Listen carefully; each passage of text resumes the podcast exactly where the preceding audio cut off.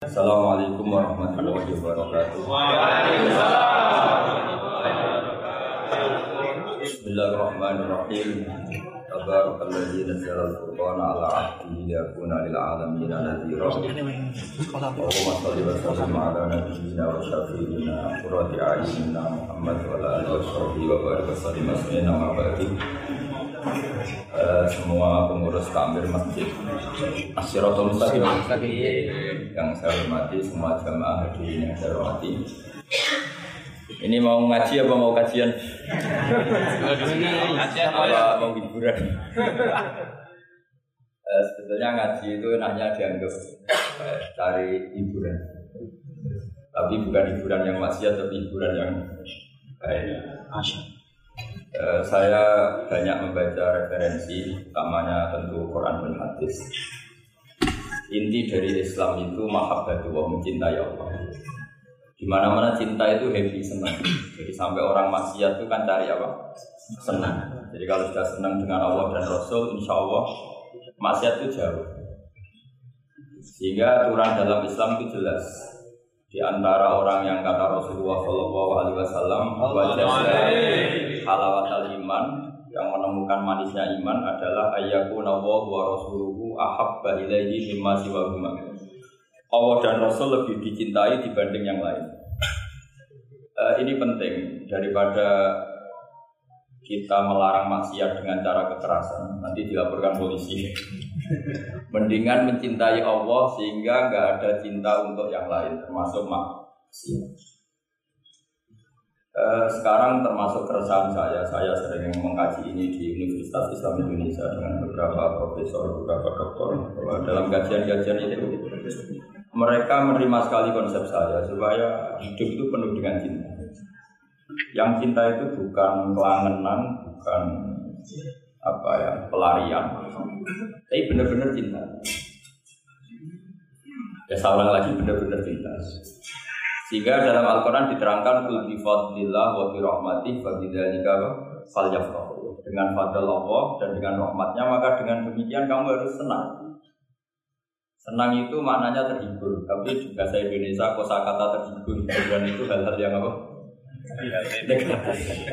Ini agak kriminal Sebenarnya faroh itu tidak harus hal negatif. Senang terhibur itu tidak harus sesuatu yang apa? Negatif. Mulai dulu sahabat kalau sifati Rasulullah itu waktu roti ayunina yang menjadi ketenangan mata kita. Kita juga berdoa Rabbana hablana min azwajina dzurriyyatina qurrata ayun menjadi pandangan yang indah. Jangan melihat orang lain indah, melihat istri sebel. Itu kasusnya orang-orang merantau dan yang nggak merantau sama saja. Nah, jadi itu penyakit laten loh, melihat orang lain senang, kok tahu? Melihat istrinya. Tidak senang. Senang. Nah, itu kasus kasus orang merantau. Dan yang tidak merantau sebagai tersinggung. Uh, saya memang sengaja mau memberi kajian yang ringan tapi bermakna. Karena agama ini sebetulnya dimulai hal-hal yang ringan. Nggak ada ceritanya filosofi agama itu berat. Karena jubilatil ukul ala qabulil hakim. Semua ulama berpendapat akal itu dipaksa untuk menerima kebenaran.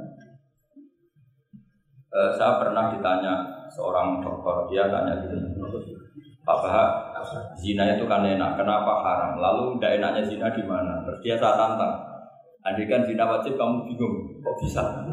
Kalau setelahnya terus suruh lagi kamu bisa, ya udah bisa.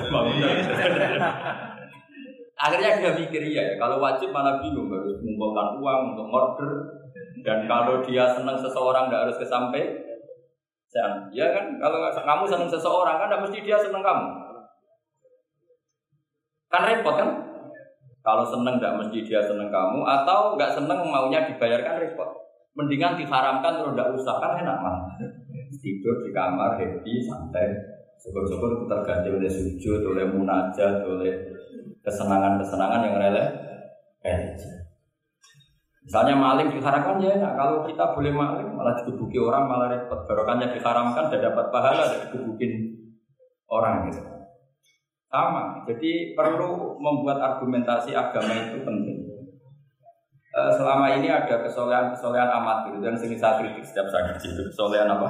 Amatir. amatir. Misalnya gini, kadang-kadang orang ngeluh Islam tuh repot, mau kebar gak boleh, mau bebas gak boleh, nanti kan boleh semua kan enak. Pertanyaannya adalah ketika boleh semua, apakah lembaga maksiat ini tidak ada aturan? Kan tetap ada aturan. Boleh pakai kalau bayar itu aturan kan? Aturan. Kalau yang cantik mahal kan aturan. Kalau apa homer atau arak yang ma yang enak mahal kan aturan. Artinya gini, di tempat yang maksiat pun banyak apa? Aturan. Kenapa aturan di tempat maksiat kamu anggap kebebasan, sementara agama ngatur kamu anggap pengekangan? Ini namanya soleh amatir, apa? Soleh amatir, soleh amatir itu yang latihan soleh. Tapi kalau solehnya sudah lama, kayak saya ini masuk soleh sudah lama, ada tahu. apa wujud apa syukur itu tinggal yang hasut atau yang seneng. Yang seneng akan komentari Gus syukur, yang enggak seneng namanya akan komentari wujud. Ya sudah lah itu biasa manusia seperti seperti saman merengut itu, yang senang akan bilang pemikir serius, yang enggak senang mau merengut. Orang ita itu ya gitu, yang senang bilang wah itu sibuk alon itu, yang enggak senang kan bilang ita itu. Jadi itu kan nggak usah dipikir lah komentar orang itu nggak usah. Jadi ini penting saya utarakan. Eh, sehingga saya berpikir, terutama untuk zaman akhir. Saya ulang lagi, terutama untuk zaman akhir. Saya buktikan sekian ayat. Sebenarnya saya hafal Quran, tapi ini tak bawa Qurannya supaya nanti kamu bisa nyari ayatnya. Syukur-syukur kamu bisa nyanyi saya hafal Quran bagus. Kalau enggak ya kacau. Sekarang orang banyak orang bantah apa orang hafal Quran dia sendiri gak hafal. Saya sering di Jogja, saya mau tanya tafsir sama jenengan karena tafsir kemenak ada kesalahan sekian 2000 itu tak tanya kamu hafal Quran enggak? Repot ini berasa. Ini kayak Tyson tinju sama LSP kalau kalau kelasnya nggak sama mati musuhnya.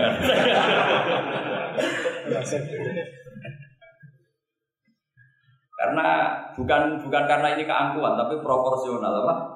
Proporsional. Uh, saya cerita yang ringan-ringan saja sebagaimana sanat saya dari guru-guru saya ialah Rasulullah Shallallahu Alaihi Wasallam. Agama itu dimulai dari kesenangan, happy, Farah kalau dalam bahasa Arab al farah. Ayatnya jelas kul bi fadlillah wa bi rahmati wa bidzalika Ingat Muhammad dengan fadl Allah, anugerah Allah dan rahmatnya. Kemudian dengan itu kamu harus senang. Sehingga dengan senang kepada Allah dan Rasul itu nikmatnya masya Allah. Andai kan senang itu bisa ditakar, orang yang sedang tahajud menangisi dosanya, plus menangisi nasibnya kalau di perantauan. itu senangnya sama orang yang sedang dugem itu mesti kalah, mesti senangnya sedang tahajud. Karena orang-orang maksiat itu sebenarnya orang-orang susah. Kalau tidak susah gimana? Setelah itu semua ditanya, senangnya di mana? Tidak tahu dia mabuk. Sementara senang kami ingat betul tadi malam saya nangisi dosa-dosa saya, nangisi nasib saya, kemudian tenang karena kembali ke Allah, kembali ke Rasul. Itu luar biasa senang. Ini masalahnya sekarang ibadah itu kayak ancaman. Kalau ada pondok mewajibkan tahajud itu santrinya itu sudah delik dulu. Kalau di masjid-masjid gini itu kira-kira diwajibkan tahajud orang juga protes. Ini aliran sesat sunat diwajibkan. Jadi agama itu banyak keunikan tapi yang jelas saya pastikan kamu harus senang. Eh, kata Rasulullah Shallallahu Alaihi Wasallam salah mangkun nafihi wajah halawat iman. Tiga hal ini kalau tiga hal ini ada pada kamu ada pada kita pasti kita ini menemukan halawat iman manisnya iman. Yaitu satu ayatku nawahu wa rasuluhu ahabba ilaihi mimma siwa bahwa Allah dan Rasul itu lebih Anda cintai ketimbang yang lain. Mencintai Allah itu nikmatnya Masya. Caranya gimana supaya kita istiqomah ibadah? Anggap hidup kamu itu sehari. Saya ini di Jawa, kecelok besar, tapi punya uang 200 ribu itu ngira banyak Bukan banyak, banyak Karena saya hitung hidup itu per hari. Karena aturannya orang soleh sama tidak ijazahi, pasti kamu nggak mau. Karena kamu pecinta won. pasti tidak mau. Syarat sahnya orang soleh itu harus nganggap hidup itu hanya sehari. Hanya apa? Wa amal li akhiratika ka annaka tamutu Beramallah untuk akhiratmu seakan-akan besok mati. Coba kamu yang di perantauan, bayangkan maksiat sampai 60 tahun ke depan kan berat. Sampai seminggu saja kira-kira berat kan? Tapi kalau bayangkan saya tidak akan maksiat semalam ini karena besok saya mati, sukses. Besok berpikir gitu lagi, saya tidak akan maksiat kan hanya sehari. Ternyata besok hidup lagi. Berpikir gitu lagi. Tahu-tahu mati betulan setelah 60 tahun. Jadi itu apa ya satu konsep dari Rasulullah supaya orang itu meninggalkan maksiat itu ringan karena bayangannya hidup banyak. Coba yang ahli maksiat itu diberitahu besok kamu mati, kira-kira malamnya maksiat enggak? Kamu maksiat itu karena bayangkan hidup masih lama. Makanya kata Quran, wahai orang-orang yang beriman, alam yakni lilladzina amanu antas syahuluhum lidik billah wa ma nazala Orang-orang iman itu sudah saatnya khusyuk. Kamu jangan seperti orang-orang dulu. Orang-orang dulu fatola alaihimul amatu faqasat qulubuhum. Orang itu menjadi wangkot, menjadi keras hatinya karena merasa hidupnya itu pan. Ini penting, ini konsep-konsep yang ada di hadis sofa. Jadi tidak perlu kamu soal ini sofa apa enggak. Tak pastikan sofa.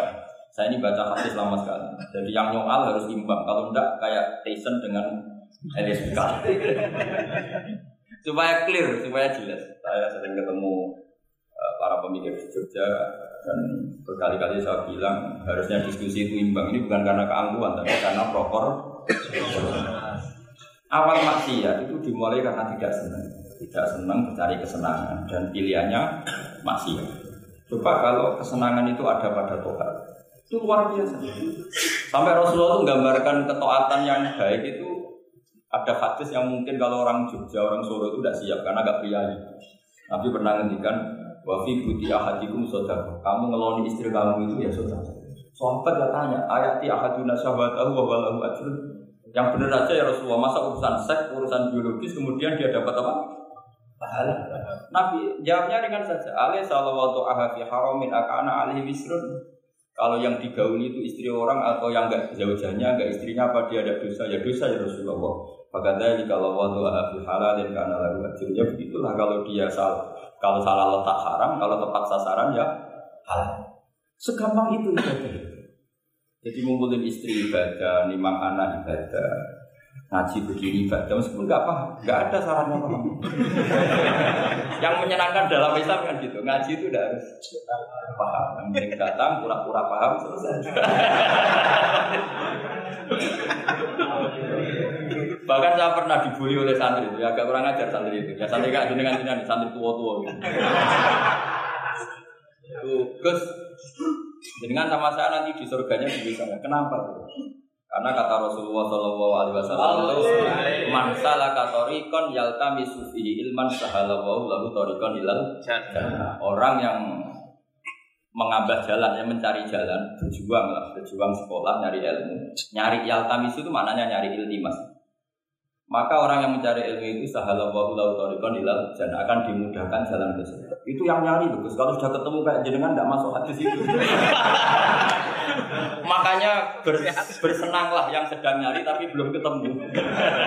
Karena hadis itu untuk yang masih itu pasti sampai enggak saya.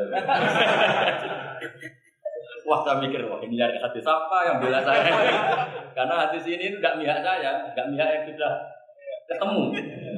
Yang namanya nyari kan belum ketemu. Maka bergembiralah yang nyari ilmu udah alim-alim. Karena syaratnya, ya kan?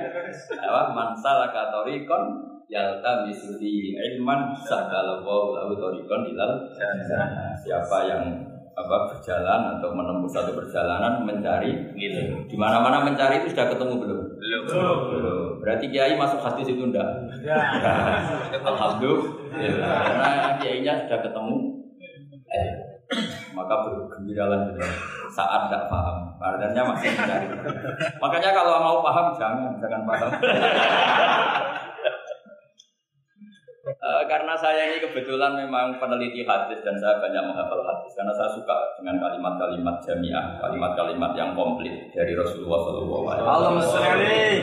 Sehingga ngapalkan hadis saya itu banyak dan imbang, imbang itu ya balance kalau dalam bahasa inteleknya.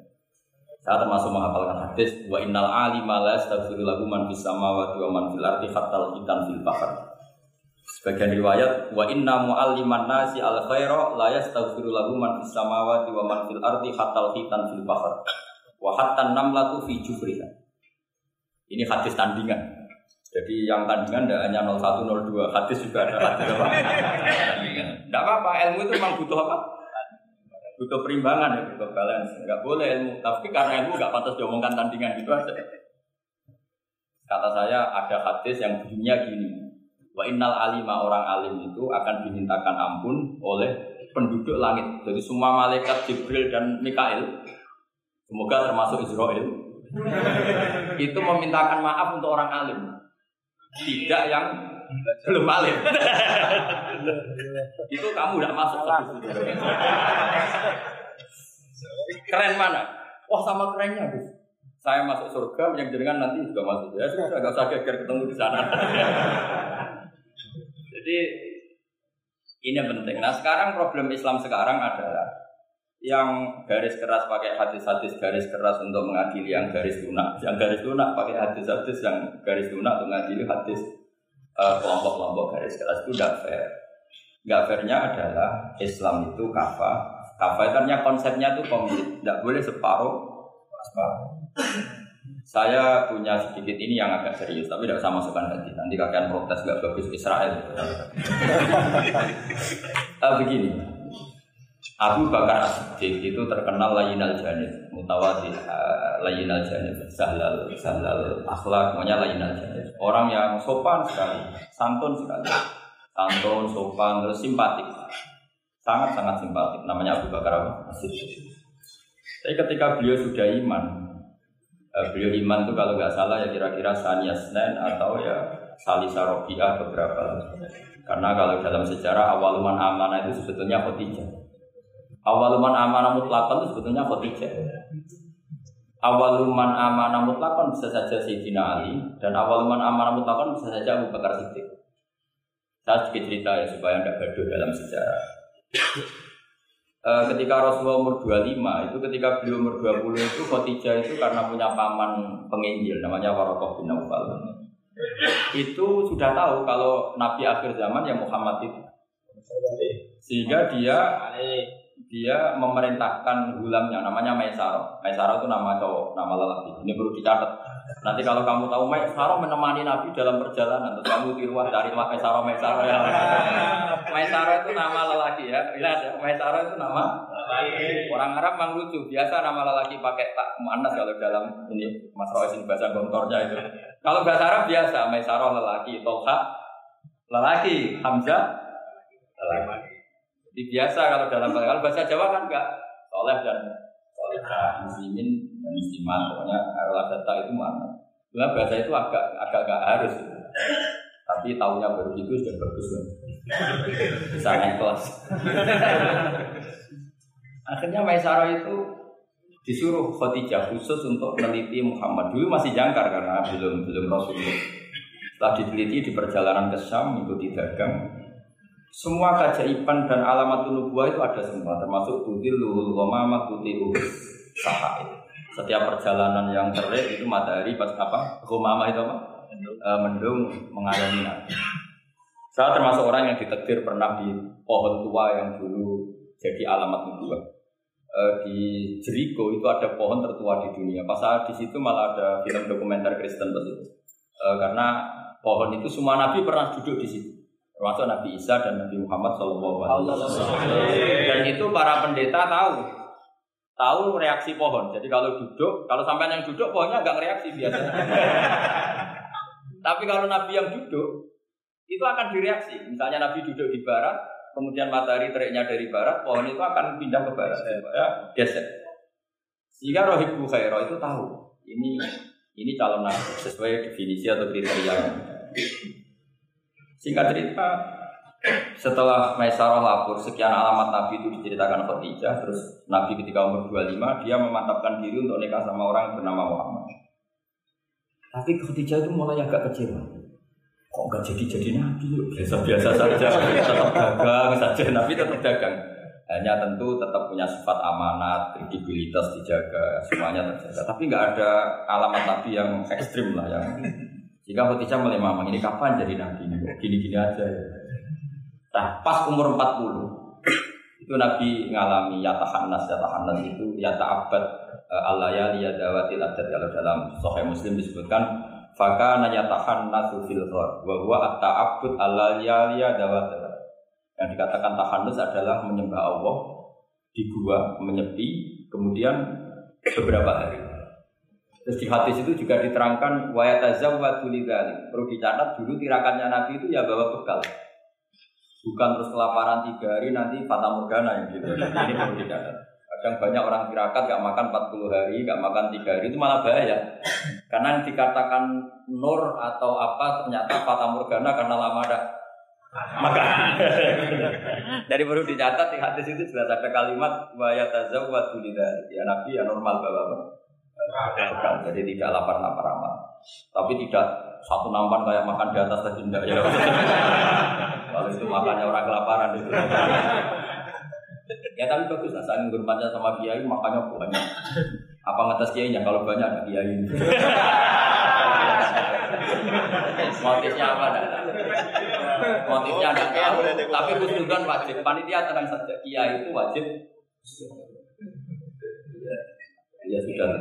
Singkat cerita, ketemu malaikat Jibril.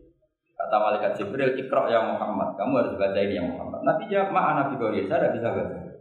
Sampai tiga kali Nabi bilang tidak bisa baca. Makanya syaratnya Nabi itu memang umi. Umi itu tidak tahu. Kenapa harus tidak tahu? Karena dia original, beroriginal. Gak boleh Nabi punya pemikiran tandingan atau versi. Nabi itu harus farok, harus kosong.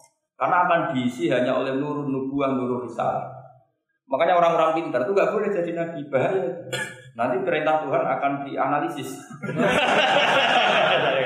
Makanya berat. Orang intelektual jadi wali itu berat. Jamin berat. Karena semua perintah Allah akan dianalisis. Oh itu Allah pasti tidak terima.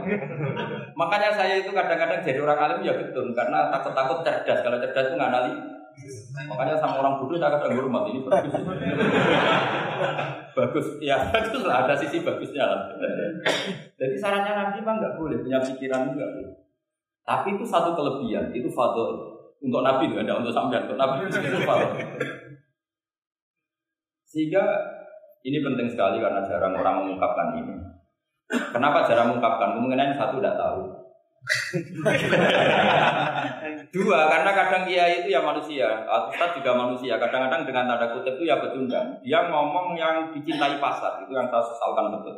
Tidak ngomong yang dibutuhkan dalam khazanah es. Itu sangat kecewa betul. Dan semoga mereka mereka itu tobat. Enggak boleh seperti itu. Coba kita ini Islam mulai kecil, punya kiai mulai kecil. Kadang-kadang tidak pinter-pinter. Karena ayatnya itu terus sama. Kubu sebelah misalnya dalil ayat ini, yang ini, ini terus gitu aja. Kalau orang sunat diceritain Nabi Ibrahim sunat 80 tahun itu pakai palu, pakai apa itu kodum, kodum itu apa? Langganan. Kalau ada orang mati ya mesti kulu nafsin. Kalau ada orang nikah mesti faman rohibaan sunati. Jadi umat ilmunya tidak tambah itu sudah siapa saja yang nikah ya itu aja, yang mati ya itu aja kulu nafsin. Karena ya pasarnya seperti itu. Gue sekali-kali ada orang mati itu bilang, ayo pesta. Karena orang boleh ini mati. Mengurangi beban bumi.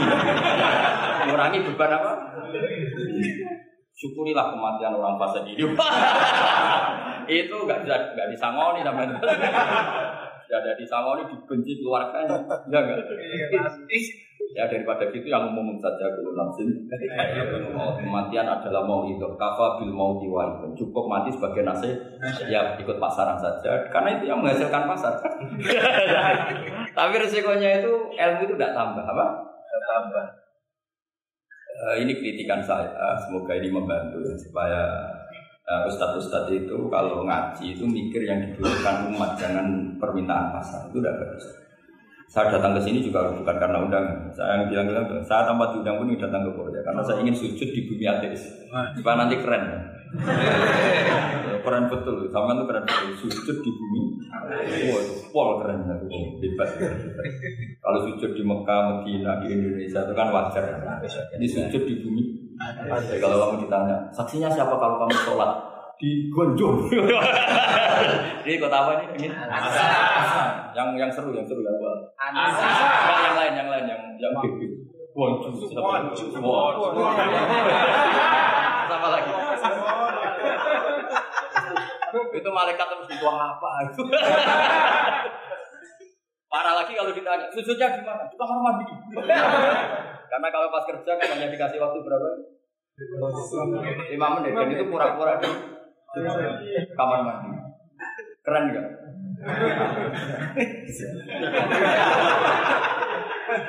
Jadi padahal bumi itu akan bersaksi yang dipakai tempat itu paling keren mesti yang Korea. Apalagi yang pas kerja lalu sini kan masjid masih normal. Kalau pas kerja kan di kamar mandi. Iya di pabrik ya maksudnya. Oh iya, punya ya. Jangan yang priai yang itu, yang nggak priai priai itu. Di gudang ya. Mesin. Di mana? Sampai mesin ya. Mesin sebagai saksi. Ya bagus. Saksinya apa? Buta. Gitu. Yang jelas jangan kerja di pabrik salib. Saksinya apa? Kerjanya bikin apa? Pas waktu sholat, sholat. Saksinya apa? Itu. Bisa berhadapan-hadapan itu saksi sama bisa begini. Ah, begini ini uh, intermezzo saja tapi betul. Jadi kemudian Khadijah kembali ke Khadijah tadi. Uh, Rasulullah itu nggak bisa baca. Walhasil akhirnya ditekdir bisa. Saya mengatakan bukan karena belajar, ditekdir bisa. Karena syaratnya Nabi itu harus umi. Umi itu ibu-ibuan. Tapi Nabi itu uniknya begini. Justru beliau ngira itu malakul maut. Jadi pulang itu ya fufu fuadu. Dia gemeteran sekali. Menangis pulang itu ya cukup waktu nangis. Terus bilang ke Khadijah jamilu di jamu ini coba saya kasih selimut kasih selimut. E, kalau dalam bahasa Arab itu boleh kitab sama perempuan itu pakai yang mana sama khotoba atau pakai mudakar goib, al mudakar muhotob jama, tapi niatnya ahli. Jadi kalau orang Arab bilang normalnya kalau perempuan kan zamili ini karena kitabnya satu yaitu Khadijah. Tapi Khadijah itu nama ahlun, nama keluarga. Jika dalam bahasa Arab juga boleh zamilu ya Pak pakai hitop apa jamak mudakar. Khadijah terus dikemuni. Di mana-mana namanya ketakutan itu ya dikemuni. Dan di mana-mana kalau ketakutan itu dari istri. Yang bayang di perantauan ya kalau Tidak usah lah banyak menyinggung orang. Pokoknya seperti itu. Sunnah manusia apa pun hebatnya kalau ketakutan itu nyari istri. Jangan bacakan nyari perempuan, nyari istri ya. Garisnya jelas ya. Kalau ketakutan nyari apa? Istri. Nyari istri apa nyari perempuan? Istri.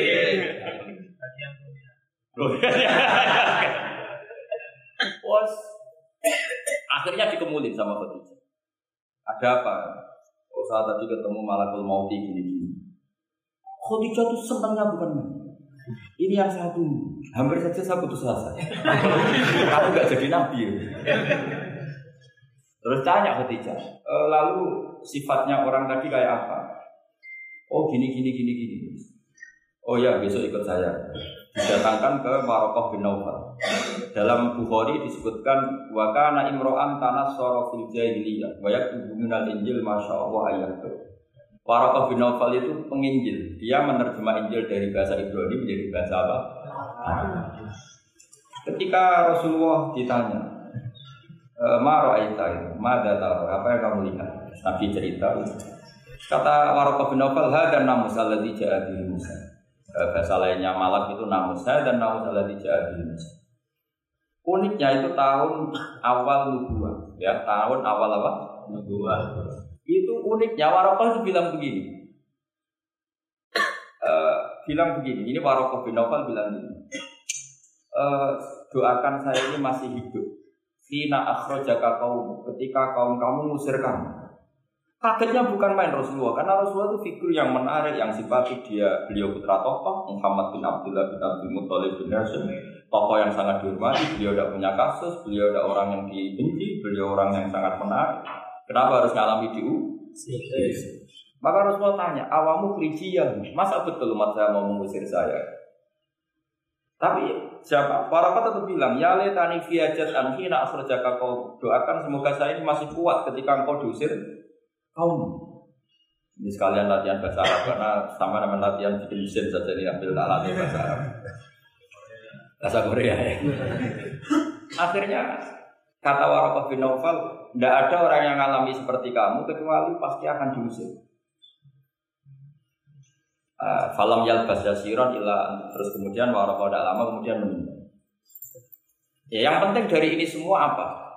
Waroko itu membaca kriteria para nabi itu pas sekali dan akhirnya tahun 13 Nubuah Rasulullah ngalami diusir. Kan beliau hijrah itu 13 tahun dari Nubu. Wah, kira-kira umur 53. Berapa? 53. Tapi Waroko sudah mengatakan itu di tahun pertama Rasulullah menjadi nabi karena definisi nabi itu harus pernah diusir. Maka kalau sampai ngalami diusir oleh nasib itu ya ada. Cuma itu udah alamat nubuah, alamat terlantar. Karena yang Nabi sudah ditutup, nggak ada peluang lagi. Jadi Khotijah itu masih gak terima, padahal beliau sudah mendapat sekian alamat tadi. Tudilluhul qamama, tutil sahab, ada sekian alamat.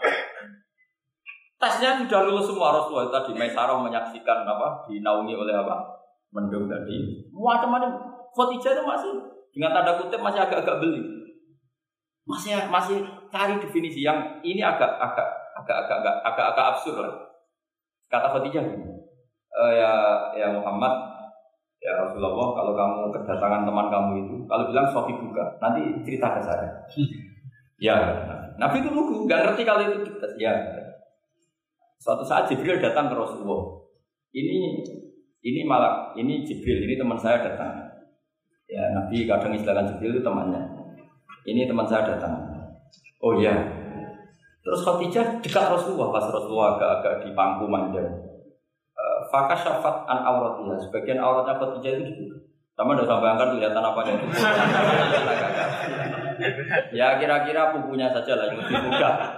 Tidak lebih dari itu, jangan macam-macam. Akhirnya terus ditanya, Khadijah tanya, e, temanmu masih enggak lari Ya Khadijah ditutup lagi. Khadijah nggak tahu ada Jibril nggak nggak tahu. Ditutup lagi. Sekarang temanmu di mana? Oh sekarang datang lagi. Oh Nabi diagumi semua. Ini yang satu tunggu kamu itu malaikat betul bukan setan. Karena kalau setan tahu orang kamu tahu. Artinya apa?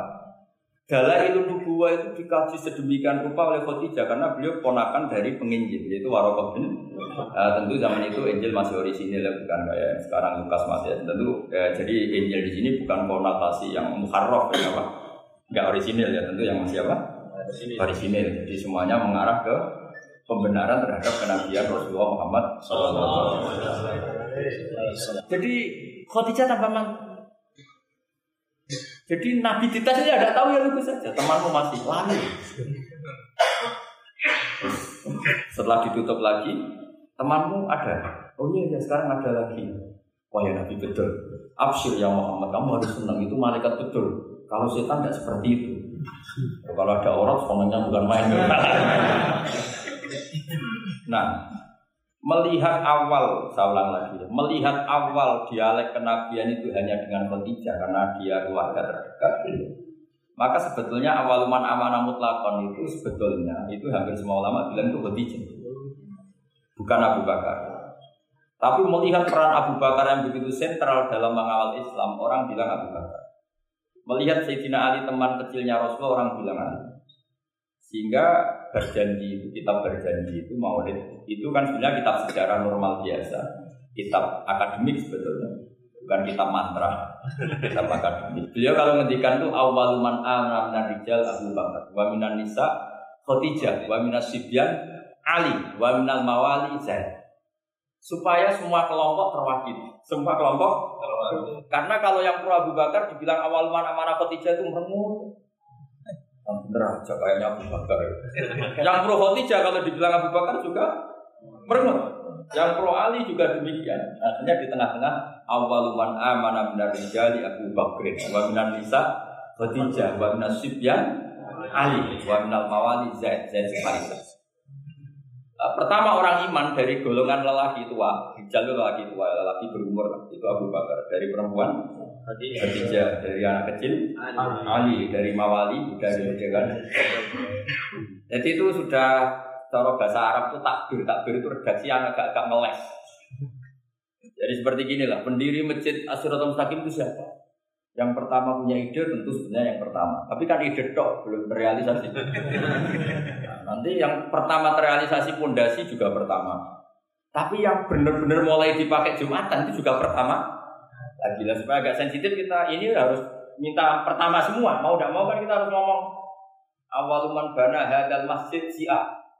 Tapi dulu belum ada ya bana ide. Wa awaluman misalnya pembalataan batu pertama waktu al hijarah awalan ini. Wa awaluman sing jadi imam ya ya ummu hadal masjid fil jum'ah ini. Lah yang sampean wa awaluman ngerameni minggu masjid.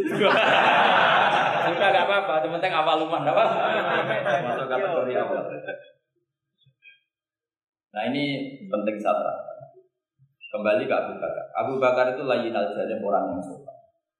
Dan itu bagus, tentu sopan itu bagus. Layin al bagus.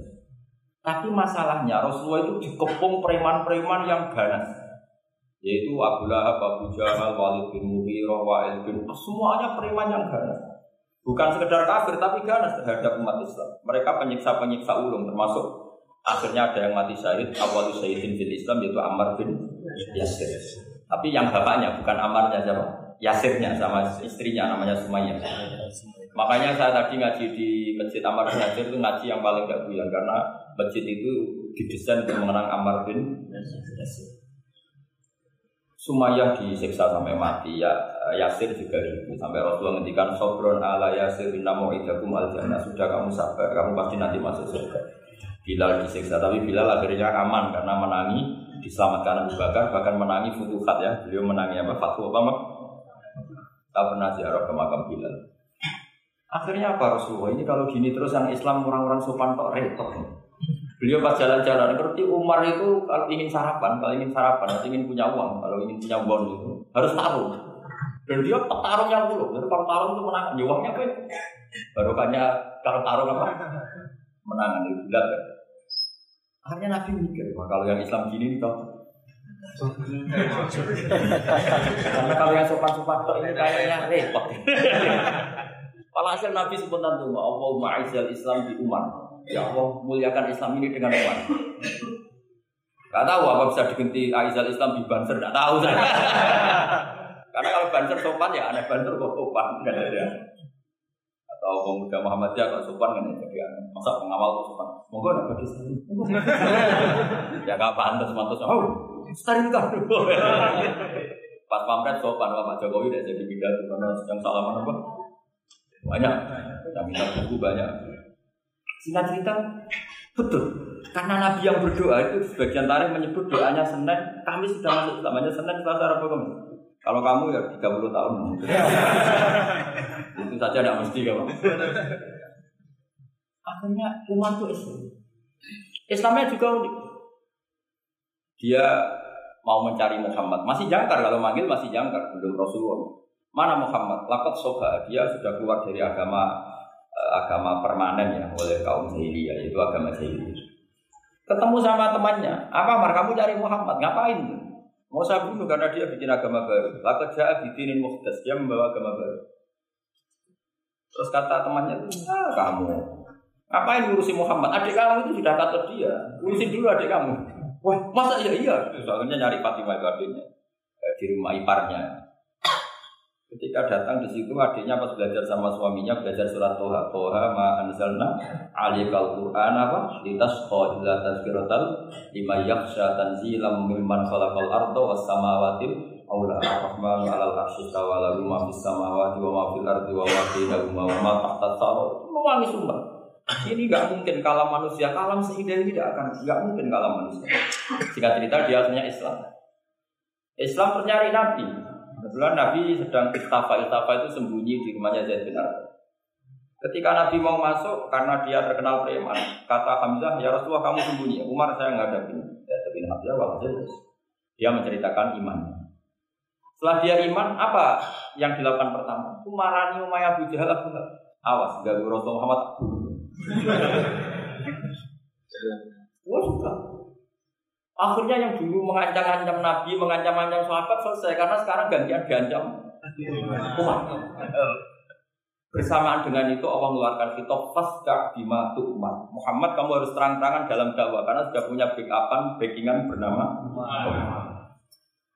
Jadi sebetulnya yang dibutuhkan Islam itu ya ada orang yang kayak Abu ada orang yang kayak Ada kebaikan yang hanya terwakili oleh orang-orang yang kayak Abu. Ada kebaikan yang hanya terwakili orang-orang kayak jadi sebetulnya tidak perlu dipertentangkan kita di mana yang penting itu niatnya baik, diniat ini solika dengan niat yang. Jangan kubu-kubunan yang tanpa ilmu. Sebenarnya dalam sejarah itu. Bahkan uniknya dalam sejarah adalah Abu Bakar yang menjadi wali besar karena akhlaknya yang seperti itu lagi al Ketika mau meninggal, itu menunjuk khalifah yang akhlaknya berlawanan dengan dia, yaitu menunjuk Umar. Kayak apa insofnya Abu Bakar? Karena beliau tahu ada sebagian kebenaran Islam yang nggak terwakili oleh orang sopan. Coba kalau ada penjahat, orang Solo atau orang Jogja, yang sopan-sopan itu, terus ada penjahat. Tapi sebaliknya penerima tamu terus orang Batak ngangkat penerima tamu dari orang Batak atau orang Madura, tamunya lari. Mau apa kok? Artinya gini loh ya. Ya kalau ngadepin penjahat mungkin pas orang Madura, kalau penerima tamu pas orang Solo. Ya proporsional saja lah, nggak usah mamat. Setan. Paham ini dong ya? Clear ya? Ya clear ya? Jadi hidup itu proporsional saja. Ya kan coba saja, Mbak. punya acara keren terus penerima tamunya Madura, Batak, apa lagi yang keras keras. Medan.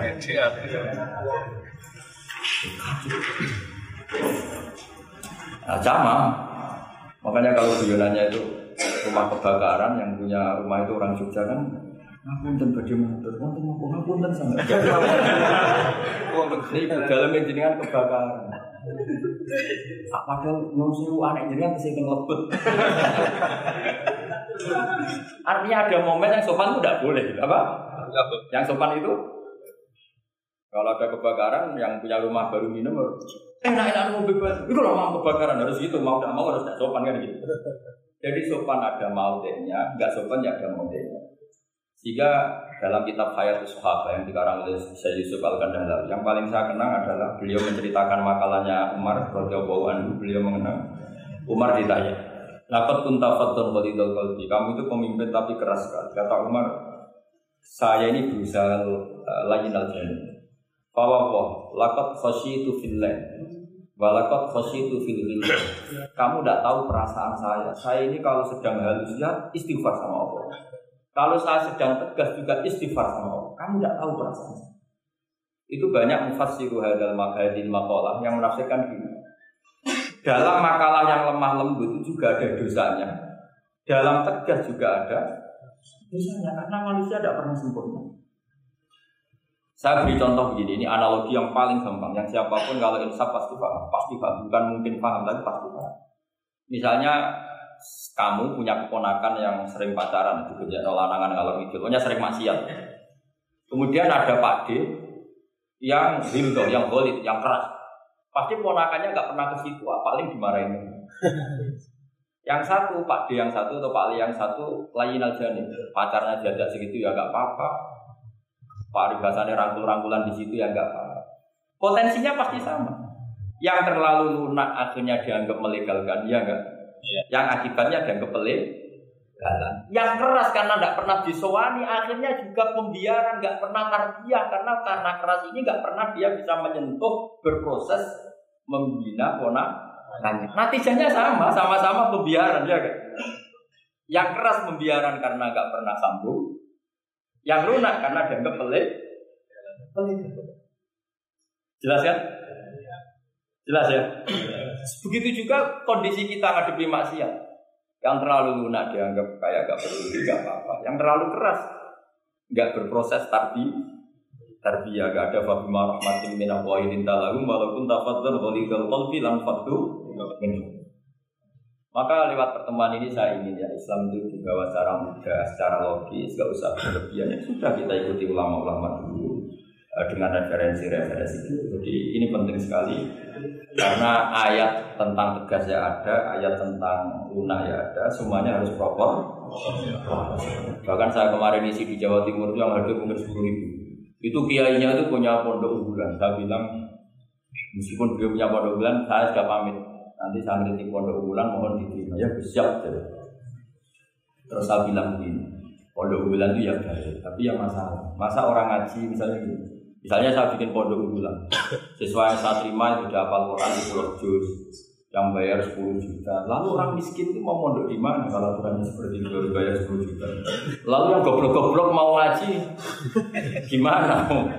Harus hafal 10. Makanya aneh, pabrik-pabrik aneh menerima yang sudah pengalaman kerja. Sudah pengalaman kerja ya tidak lamar, sudah punya pekerjaan. Gimana orang nyari kerja yang belum mana saja. Nah, saya kemarin ngaji di UI juga bilang gitu, kampus-kampus itu baik karena bikin standar ini SAG, ini MA, ini dokter bagus. Tapi andekan semuanya belajar Islam lewat kampus, masa ingin belajar Islam harus kuliah dulu? Lalu bangga kalau belajar Islam gimana? Ini barokahnya kiai-kiai yang nggak punya gelar di musola, kadang santrinya datang, kalau kadang enggak, enggak jelas lah. Tapi bagus, siapa saja bisa belajar kapan Coba kalau pendidikan Islam hanya ada di kampus, mau belajar saja harus kuliah Yang tua-tua nggak bisa belajar. Coba kalau semua lembaga pendidikan itu kayak pondok-pondok besar yang pakai persyaratan, mau ngaji daftar dulu. Silakan ke sekretariat. Sudah diselesaikan administrasi itu. Maka bergembira kiai kiai musola yang tidak bersertifikasi konsultan Islam sing on time setiap saat. Dia itu barokah. Apalagi santri-santri yang goblok itu barokahnya luar. Betul. Saya tuh punya sekian santri yang dulu teman saya, kelihatannya goblok, ini manfaatnya luar biasa. Cuma dia kagum sama saya karena saya korban jadi konsultannya dia. Dia tuh di pedalaman Kalimantan, di tengah hutan. Ya kalau dulu mungkin oleh pemerintah disebut ilegal lobby lobby dulu.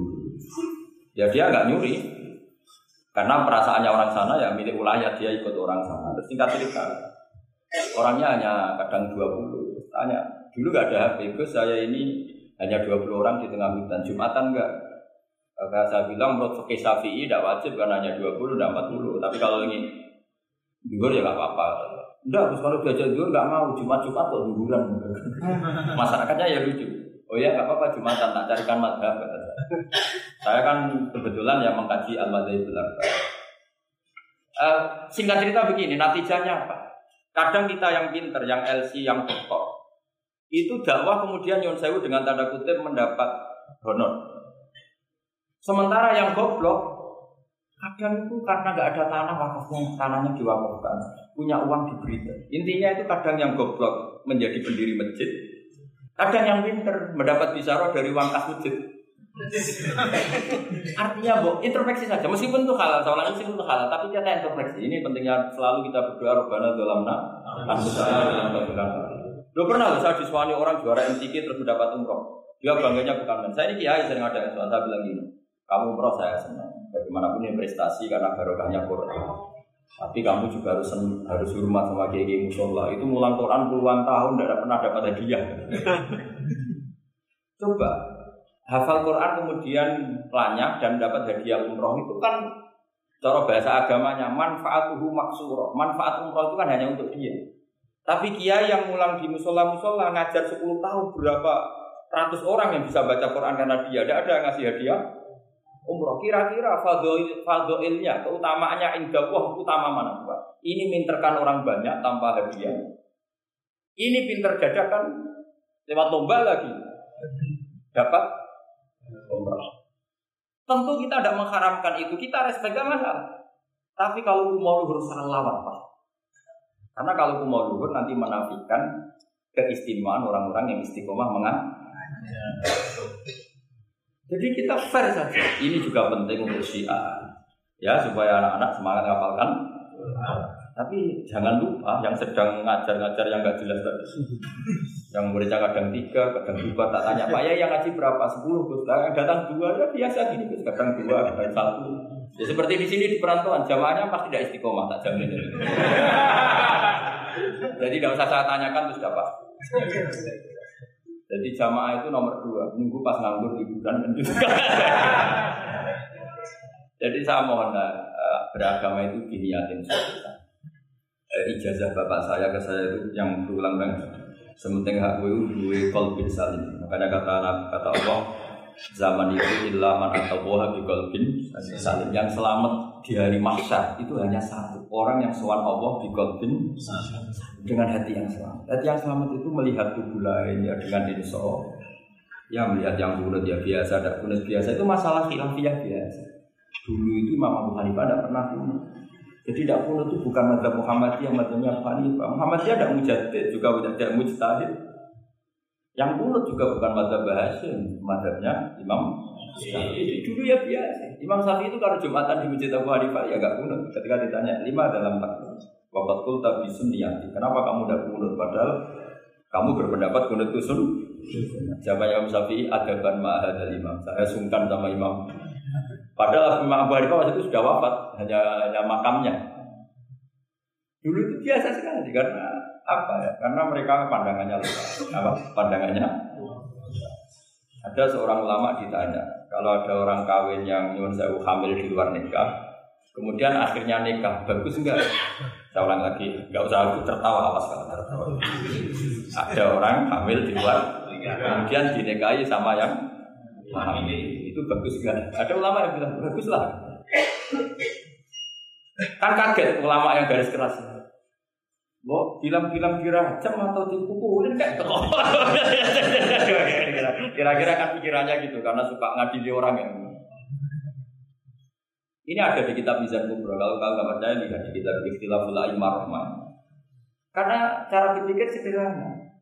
Terus dia punya riwayat dari Rasulullah SAW yang ngomentari seperti itu jawabannya begini. Qad kharaja min sifahin ila nikahin. Saya ulang lagi. Qad kharaja min sifahin ila nikahin. Berarti dua orang itu telah keluar dari tradisi kumpul kebo menjadi tradisi. Misalnya malam ini dia masih kumpul kebo, terus paginya nikah. Malamnya lagi kan sudah sah. Artinya apa? Dia keluar dari tradisi sifat sekarang ke tradisi nikah. Artinya melihatnya masa depan saja, tidak usah lihat masa belakang. Jadi ulama ya ringan saja. Ya ada ulama yang tetap marah. Susah apa sih langsung kawin disik-disik ngapain baru setelah itu kawin? Ya bagus supaya jadi apa? ya supaya jadi pelajaran. Ya ya monggo saja yang tetap keras supaya apa tanfir kalau dalam bahasa Arab tanfir, tasne atau takbir apa memperburuk apa memperburukan yang memang bu tapi yang ini juga bagus yang sudah kadung ya sudah sekarang dia mau tobat ya komentar saja kok kharaja min sifatin.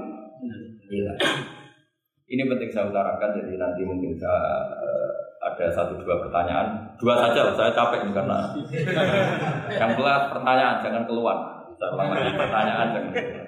Terus yang ringan-ringan saja karena agama ini dibangun dengan keringanan dari yuridu wa bikumul yusra wala yuridu dan kalau pertanyaannya ekstrim itu nanti rusak. Kata Rasulullah, "Innama ahlakal ladzina min qablikum kasratu masailihim." Dulu orang rusak itu karena banyak banyak tanya. Karena nanti kalau Allah ditanya itu mesti tersinggung. Karena apa ya? Orang tanya itu tadi mengkritisi perintah. Sampai tahu kenapa malaikat dimarahin Allah? Gara-gara apa? Tanya. Mak, ya tak ceritanya sedikit. Allah kan memaklumatkan ke alam langit. Ini jahitun fil ardi khalifah. Saya putuskan bahwa manusia ini jadi khalifah fil ardi. Malaikat langsung tanya apa? Qalu ataj'alu fiha may yufsidu fiha wasfikum. Yang benar saja ya Allah tolong dievaluasi. Manusia itu kan potensi yang rusak. Yusidu itu fil mudore, berarti mustakbal. Cara terjemahan bebasnya manusia itu berpotensi merusak. Wasfikut dima dan berpotensi mengalirkan Betul hanya tanya, tapi artinya kan gini, ya Allah, kali ini kayaknya tidak pas keputusan kau. Tolonglah Deva. Makanya Allah marah, Allah ini alamu malah tak lamu, roh apa, menang. Karena tanya ini, makanya syaratnya Nabi itu harus umi. Gak boleh intelektual jadi Nabi. Bahaya itu. Misalnya intelektual jadi Nabi, Kok ketemu malaikat di gua kenapa di sini, kenapa tidak di mall saja? Jadi repot Karena semua disoal secara intelek. Karena saya syukur sama anda jadi nabi dan tidak akan jadi nabi. nah, inteleknya itu. Jadi ini penting saya utarakan karena sekarang itu agama mau dicerdasin, ngajinya agak belum tapi mau kritis. Itu bahaya betul. Makanya nama ahla kaladi nami kaulikum kasrotu masa ini karena banyak pertanyaan. Ini bahaya betul. Masa Allah dievaluasi. Allah? Makanya saya termasuk gak senang ketika ada sholat ini peregangan apa pernapasan terus kalau sujud apa saya tidak senang. Saya senang saya gini, nanti sholat lama-lama fungsinya kayak senam yoga. Gini saja, semua yang diperintahkan Allah pasti ada hikmahnya. Saya yakin ada hikmah. Tapi tidak usah hikmah ini jadi tujuan. Kalau nanti jadi tujuan, terus orang bilang gini, itu sholat terus sakit, yang nggak sholat sehat habis kamu. ya kan?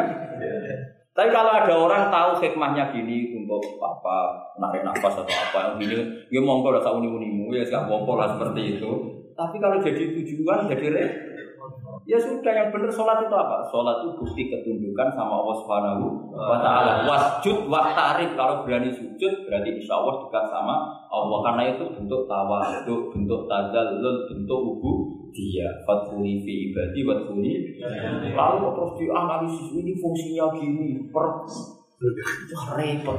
Lah nanti kalau ada senam yoga tandingannya lebih efektif? Saya jantungan, sujud kok nggak ngefek tapi setelah ikut yoga kok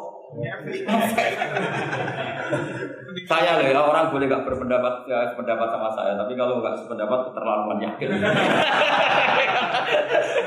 Karena dari saya jelas yang namanya wasjud ya wak.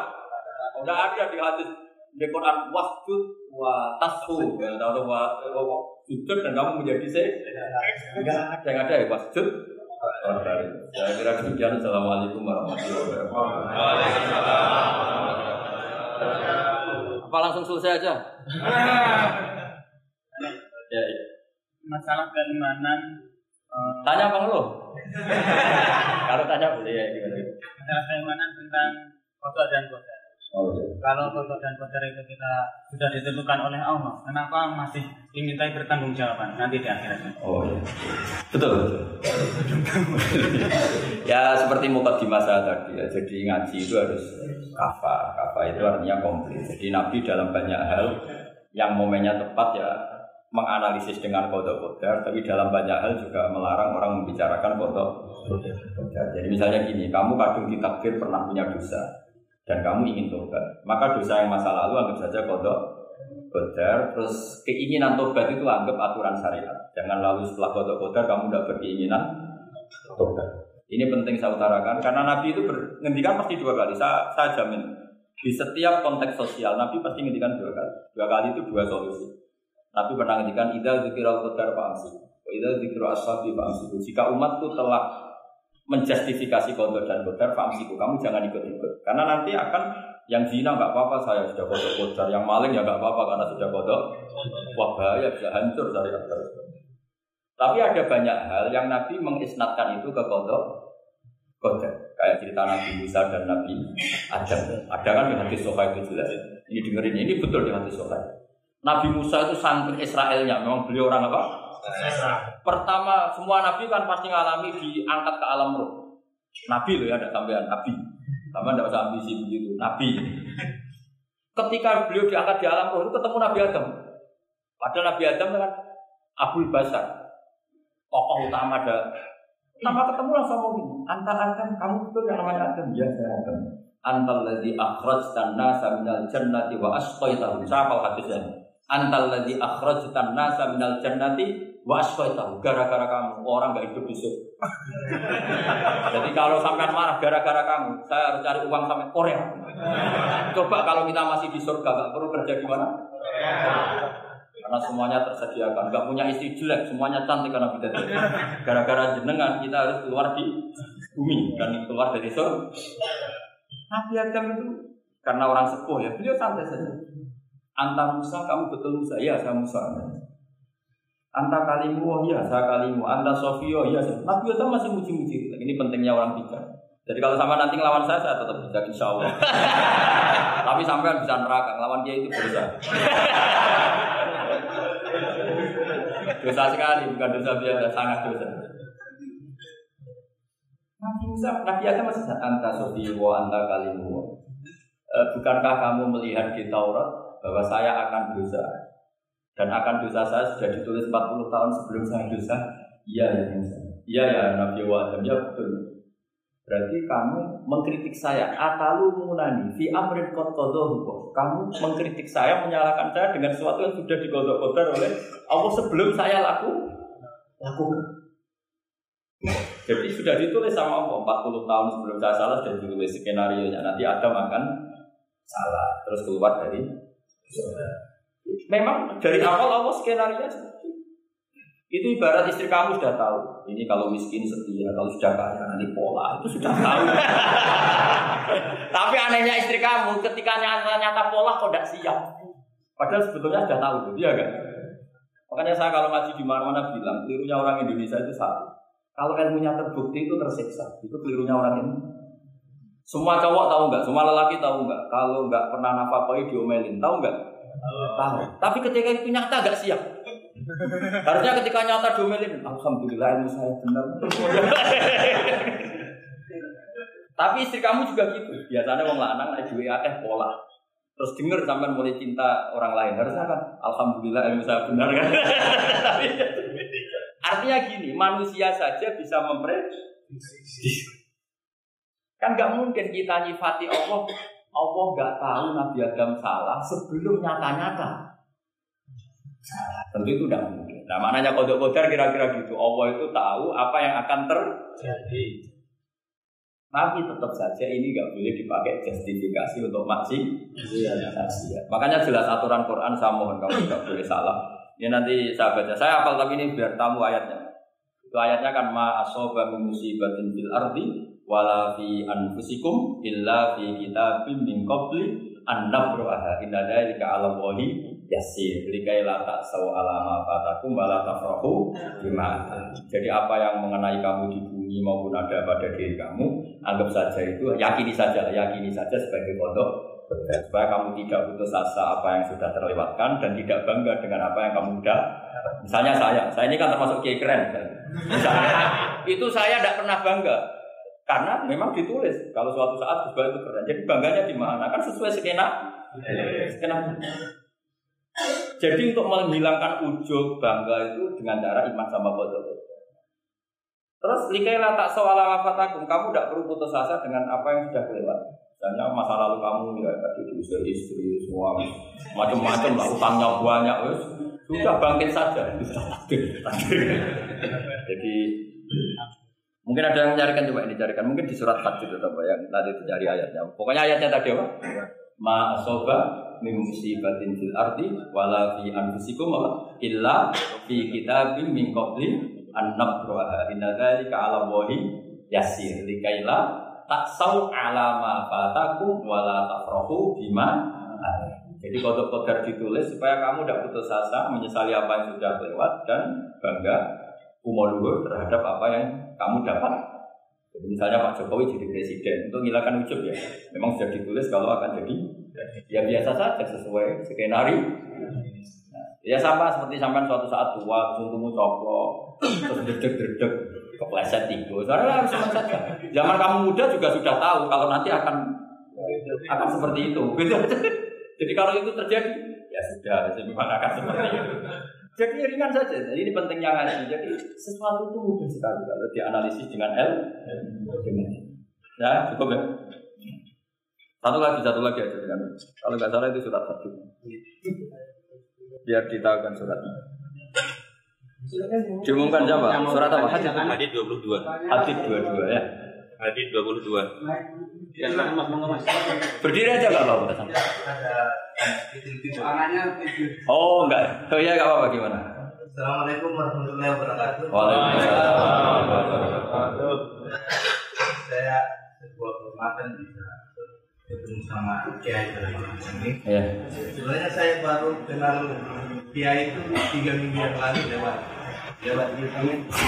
Ya. Ada yang kirim di FB saya, walaupun dengan komentar yang agak mirip lah. Iya iya. Kalau nggak salah waktu itu eh, Pak Kiai membahas masalah perang Handar Iya. yang mengatakan bahwa Nabi itu waktu itu santai saja tidak tahu apa-apa tapi Iya. ada Salman dia menyampaikan ini Iya. terus komentarnya netizen eh, tapi pertanyaan saya itu bukan itu Pak Iya iya iya gimana? pertanyaan saya itu saya tertarik kenapa cara pasang sepoknya itu ada rambut di Iya iya.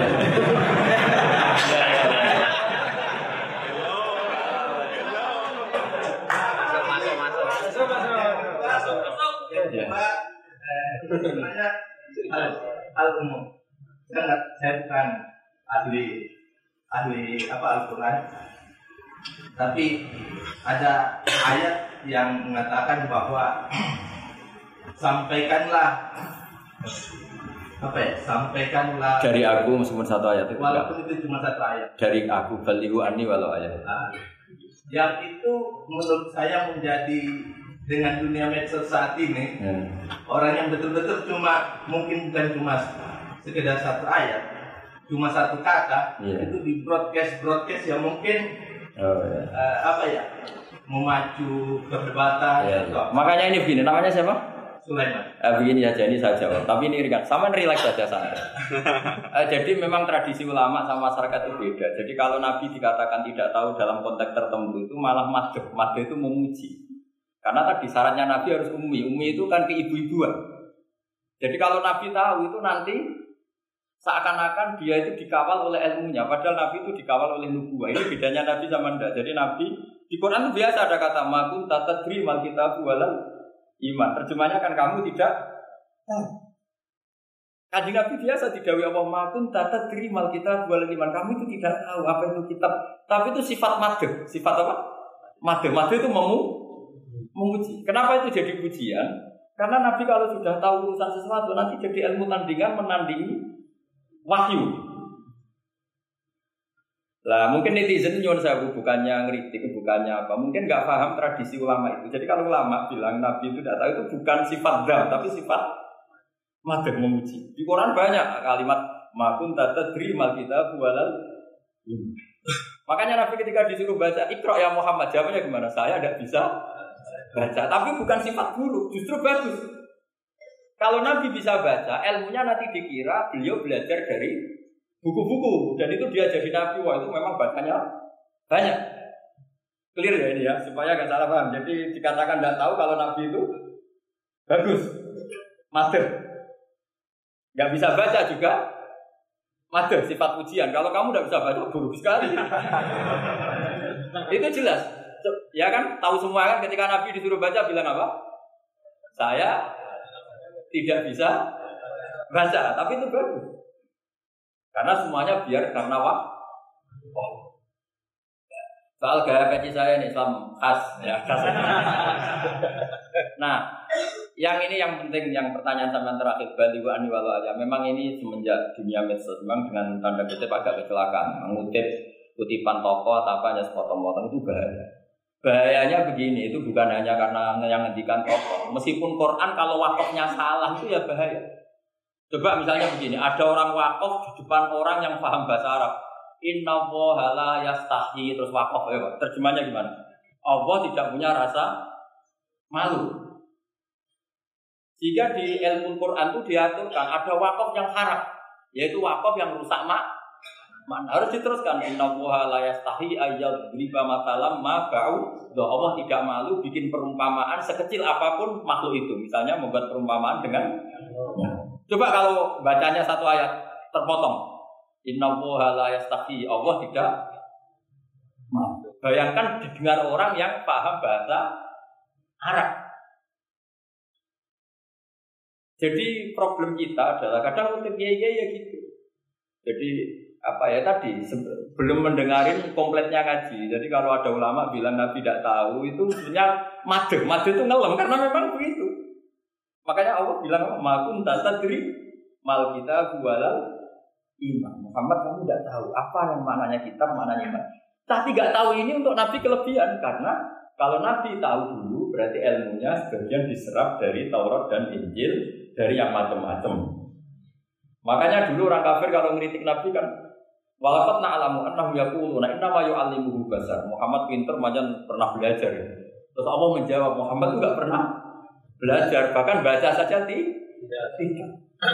Jadi kalau Nabi dikatakan nggak bisa baca, nggak tahu itu. Saya ulang lagi untuk Nabi itu sehingga semua yang dilakukan Nabi in huwa illa wahyu yuha. Semua hanya berdasar wah.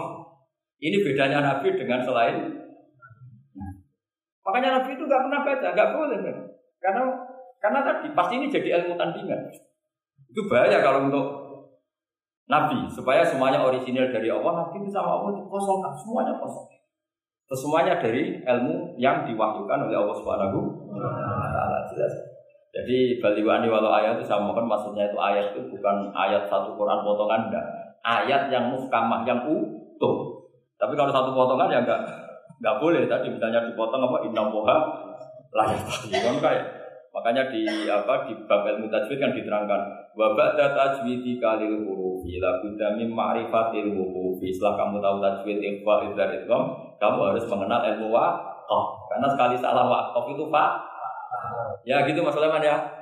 Assalamualaikum warahmatullahi wabarakatuh.